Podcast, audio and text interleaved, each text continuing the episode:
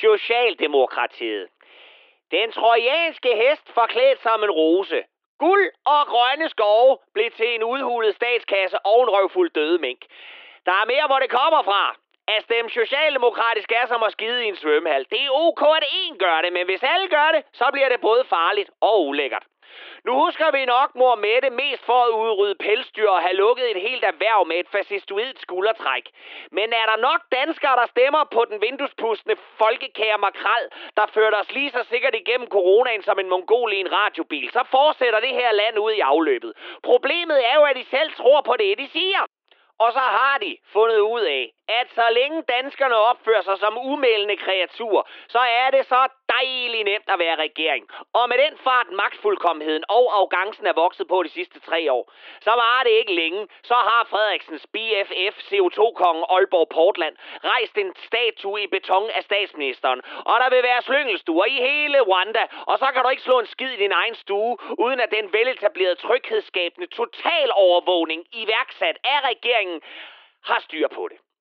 Og det hele for din egen skyld, naturligvis. Du mangler bare et tatoveret Dannebro og en stregkode på armen, så skal du sat med se socialdemokratisk vækst og fællesskabsfølelse. For Socialdemokraterne tager sig af alle, og der findes snart ikke den dansker over 60 år, der ikke har fået taget et opstillet billede, hvor statsministeren ser ud som om hun bekymrer sig. Og vel heller ikke det barn på 15 år, der ikke har fået at vide, at hvis en udenrigsminister piller dig i dåsen en sommernat, så laver vi lynlås for bunden og skyder skylden på Simon Spis. Vi skal jo øh, til vores udenrigsministers forsvar huske, at forskellen på Jeppe Kofod og Simon Spies er, at Jeppe Kofod ikke brækkede armene på små piger, og han kan heller ikke gro et skæg. Men hvert fald begge to lige berejst. Stemmer du socialdemokratisk igen, så vil du stadig ikke kunne huske, hvem der er minister for hvad, fordi deres skandalerokader går hurtigere end en rumænsk gadegøjler, der siger, where's the ball?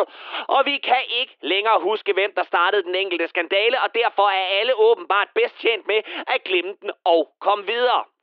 For Socialdemokratiet har fundet ud af, at vi danskere, vi kan godt lide at være bange. Vi nyder at doomscrolle vores nyhedsfeed og blive bombarderet med socialdemokratisk frygt for alting. Bange for corona, bange for Rusland.